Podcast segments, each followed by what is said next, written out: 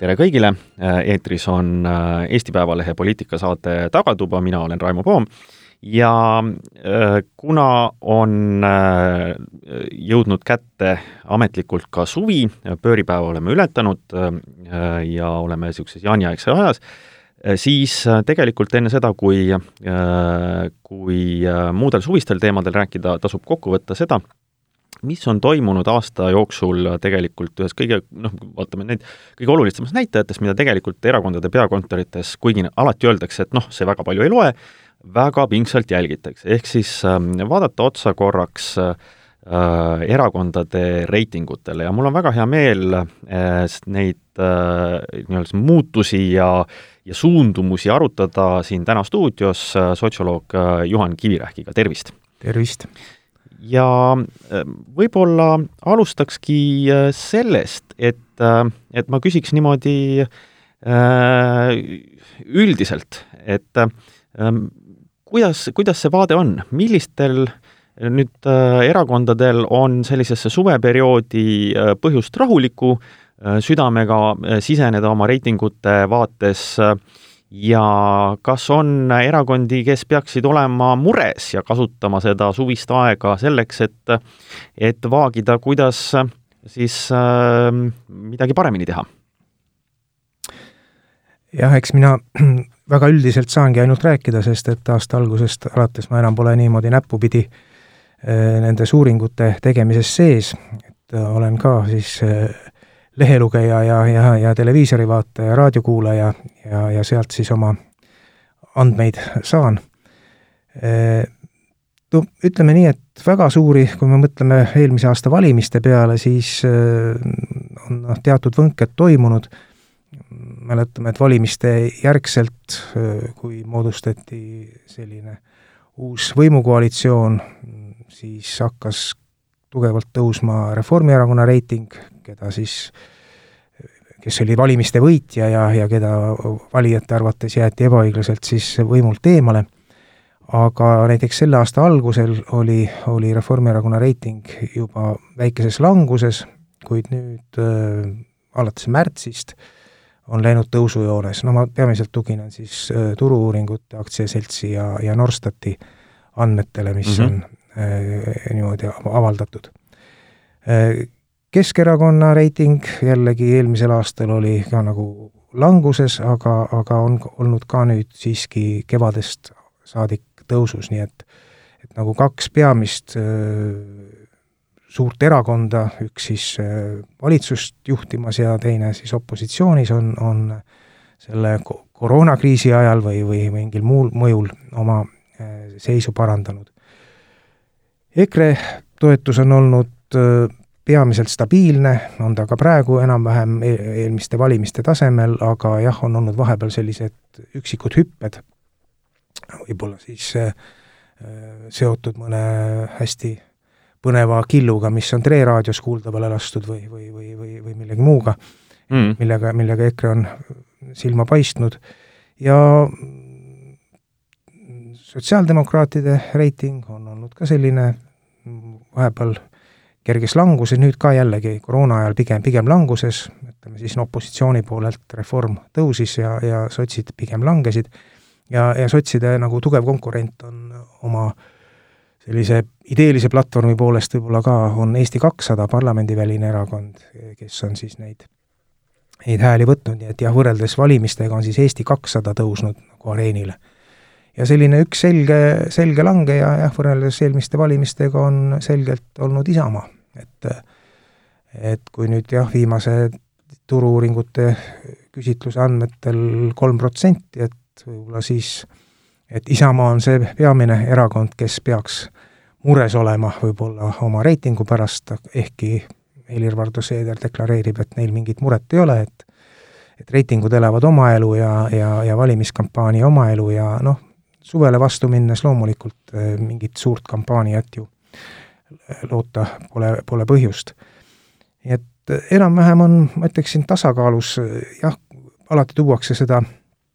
võrdlust, et kui palju toetab, toetab koalitsiooni ja kui palju opositsiooni, ja seal on kogu aeg koalitsioon nagu tugevas ülekaalus, aga koalitsiooni poolel on ka kolm erakonda ja opositsioonis ainult kaks mm. -hmm. nii et kui me opositsioonile liidaksime juurde Eesti kakssada, siis oleks need seisud päris võrdsed. Ja, ja ikkagi tähelepanuväärne on see, et eh, võimukoalitsiooni toetus on ikkagi alla viiekümne protsendi mm.. kusjuures ähm, see ongi üks huvitav asi, mis ma tahtsin küsida. Äh, koroonakriis, et, äh, et see äh, noh, oli tegelikult, haaras tervet ühiskonda ja noh, näiteks kui ma vaatasin koroonakriisi alguses ja ajal nii-öelda muude Euroopa riikide seda ütleme, siis valitsuste ja, ja valitsuserakondade käitumist, siis äh,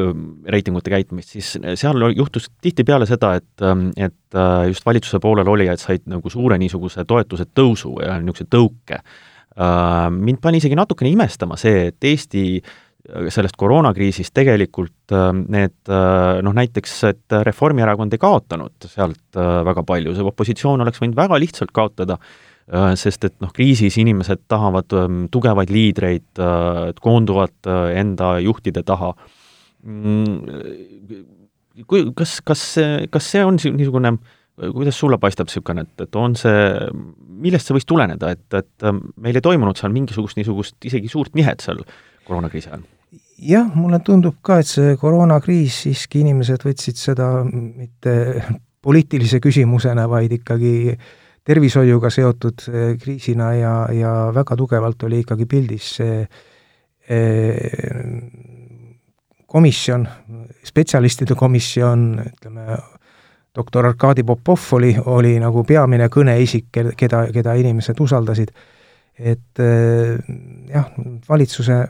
tegevust võib-olla nii väga ei, ei osatud siis nagu ümber hinnata selle, selle valguses, et noh, ütleme, Eesti pärast viimaseid valimisi on ikkagi väga tugevalt, on meie poliitika selline polariseerunud ja, ja kaevikutes nii-öelda, et on, on ühe poole ja teise poole toetajad, et kui nüüd meenutada, järgmisel aastal möödub kakskümmend aastat sellest, kui grupp sotsiolooge, mina sealhulgas, kirjutas kahe Eesti, kahe Eesti mm. kirja ja, ja tegelikult me näeme seda kahte Eestit praegu väga, väga jõuliselt ka poliitilisel maastikul, kui me näiteks vaatame koalitsioonierakondade toetajaid, siis nii EKRE-l, Keskerakonnal kui ka Isamaal on äh, toetajad pigem vanemapoolsed, pigem äh, väiksema sissetulekuga, pigem siis äh, väiksema haridusega või keskharidusega. Ja, ja opositsiooni toetavad siis noored, jõukamad parema haridusega, kõrgema haridusega inimesed, nii et, et selline ehm, ütleme, edukate ja, ja mahajääjate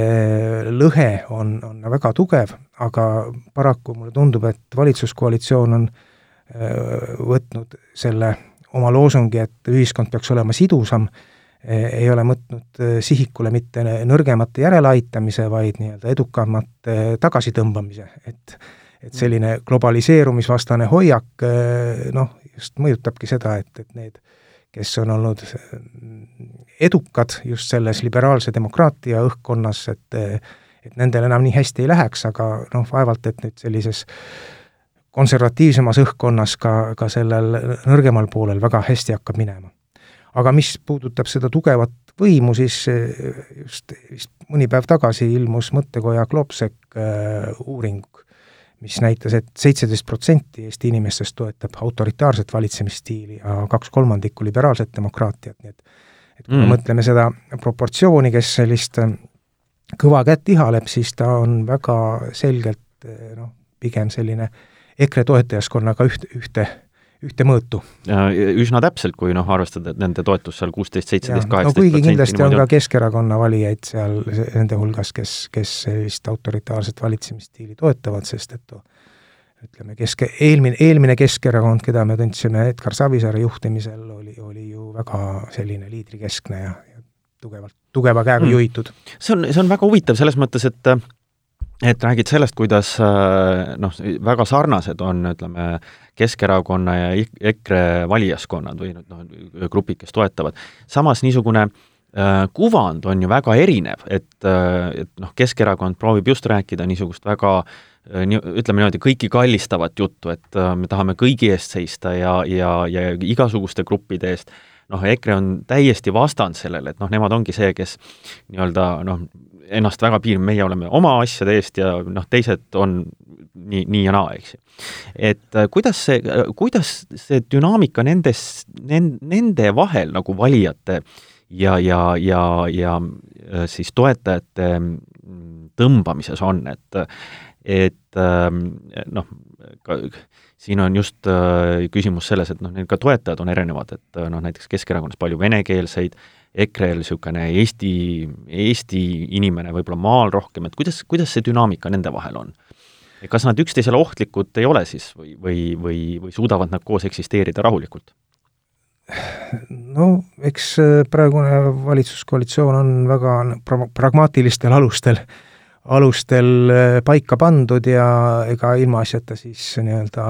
Mart Helme lapsesuguna siin jämedatest ja peenematest vorstidest ei räägi et eh, selline vorsti jagamine käib seal ju kogu aeg ja ka noh, sellest Keskerakonna kallistamisest on nagu vähe kasu ja, ja kõlama jääb ikkagi selline eh, EKRE kõvam, kõvem sõna ja tegelikult selle eest kannab eh, vastutust ju kogu valitsus, et kui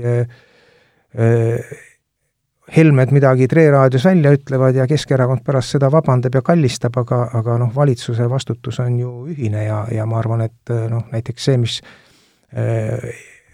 ehkki on jagatud ära ministriportfellid, et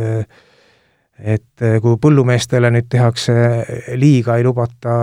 välistööjõudu sisse, siis selle eest kannab vastutust samamoodi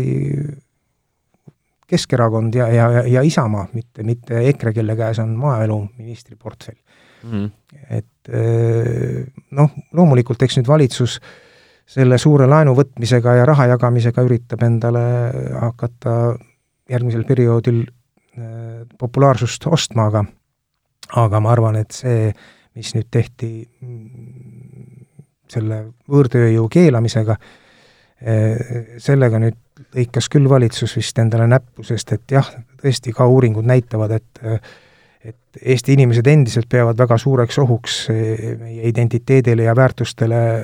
migrante üle, üle viiekümne protsendi, aga ma arvan, et need migrandid, keda inimesed kardavad, ei ole mitte need, kes Ukrainast meile tööle tulevad, vaid need peetakse silmas ikkagi äh,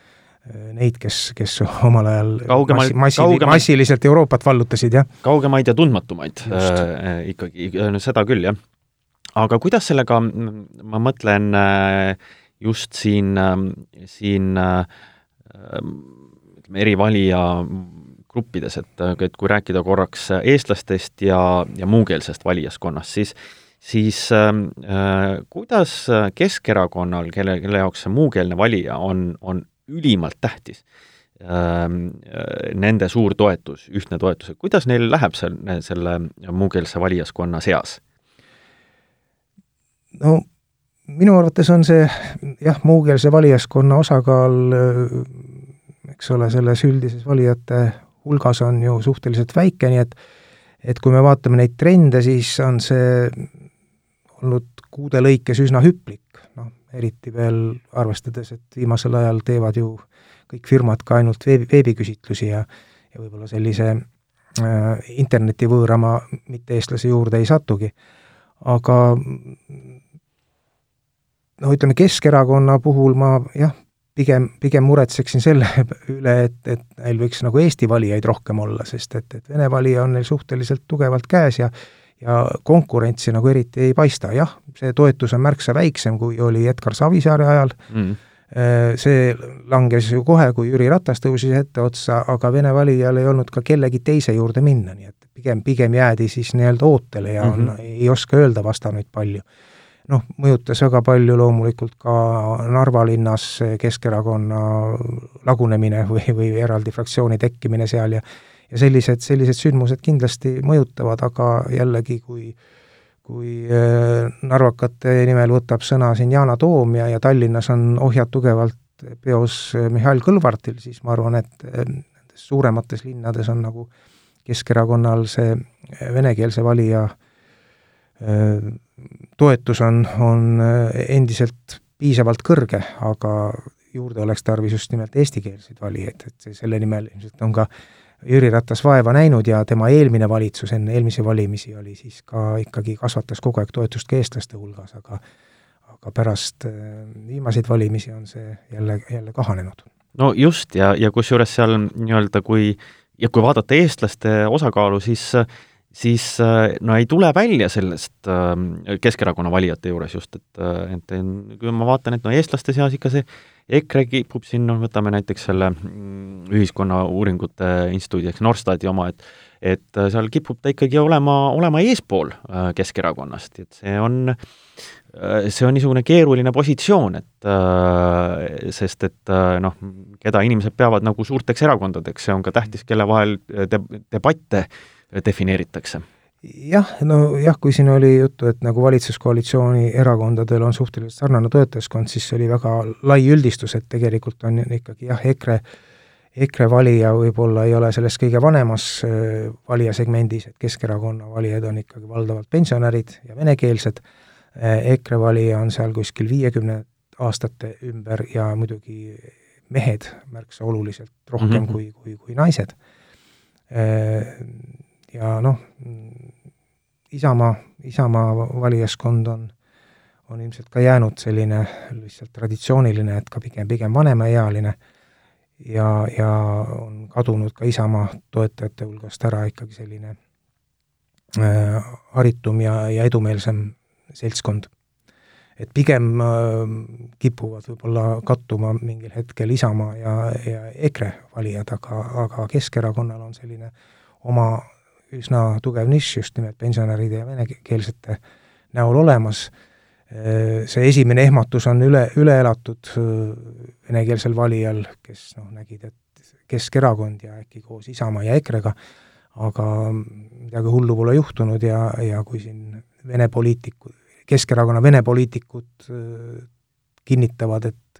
et koalitsioon EKRE-ga on ainus võimalus säilitada venekeelset haridust, et siis see on, on pärale jõudnud, eks noh, paistab, kuidas selle haridusega siis nüüd saama hakkab olema. see on, see on muidugi jah, huvitav jah, et, ähm, et äh, kuidas see, kuidas see kõik hakkab olema ähm,. Noh, kui ma peaks ise nagu korraks veel venekeelsete juurde tulles, siis äh, nagu niisugust kuidagi tunnetust, siis mul on tunne, et noh, Tallinnas Mihhail Kõlvart äh, kohaliku juhina äh, on äh, niisuguse otsustava ja pildis oleva äh, inimesena tegelikult võib-olla isegi Keskerakonna valijad ja, ja valijaskonnale head teinud, et to-, toonud neid taas kokku. Ähm, ma oleks nende, nende mõttes natukene rohkem hirmul selle Ida-Virumaa pärast, kus asjad on ikkagi pilla-palla ja ja, ja, ja vaatad siis, siis äh, noh, ikkagi on tekkinud ka mingisuguseid nii-öelda valijaid sinna Ida-Virumaale juurde, noh, keda enne ei olnud, kes võib-olla seal räägivad vaatavad Reformierakonda või sotse või midagi niisugust, et jah, sotside ja ka Eesti kakssada, eks ole, ka Ida-Virumaal. Aga jah, praegu on ikkagi Ida-Virumaal Keskerakonna toetus kõrgem kui, kui Tallinnas. Tallinnas on ta ikkagi noh, muidugi rahvuslikku koosseisu arvestades on see loomulik, aga Tallinnas ongi sisuliselt Keskerakonna toetus võrdne Reformierakonnaga, eks ole. jah, jah, noh, Tallinnas on ka ütleme, ra-, rahvuslik koosseis ikkagi fifty-fifty, ütleme niimoodi võib-olla. et ähm, aga äh, Eesti kahe, kakssada on üks huvitav küsimus, et äh, nemad valimistel täielikult põrusid, aga äh, noh, raske öelda, kas see oli põrumine, eks ole, kui päris värske erakonnaga poole aastaga saad peaaegu peaaegu viis protsenti, eks ole. sisse nad ei saanud, aga aga peale seda on nende toetus tegelikult, äh, see me saate alguses ka mainisime, et peale seda on nende toetus äh, olnud süstemaatiliselt ikkagi üle selle künnise ja, ja, ja jõudnud sinna, ütleme, noh, isegi käinud ära seal kuskil äh, kahekohalise arvu, arvu juures ähm,, noh, järgmised valimised on kohalikud valimised, et kuidas, kas niisugune noh, kuidas niisugusel uuel jõul noh, neil on, toetus paistab küll suur, aga kuidas nagu, kas niisugust asja on kerge realiseerida kohalikel valimistel, et ka mingi esindus kuskile saada? no kindlasti ei ole kerge, aga jah, selline stabiilne reiting kuskil seitsme-kaheksa protsendi juures annab selleks eeldused ja ja ka see nelja, koma nelja protsendiga välja teenitud riigieelarveline toetus aitab ka organisatsiooni ehitada. see on tõsi. Et eh, loomulikult see nõuab eh, tohutut tööd ja, ja noh, selline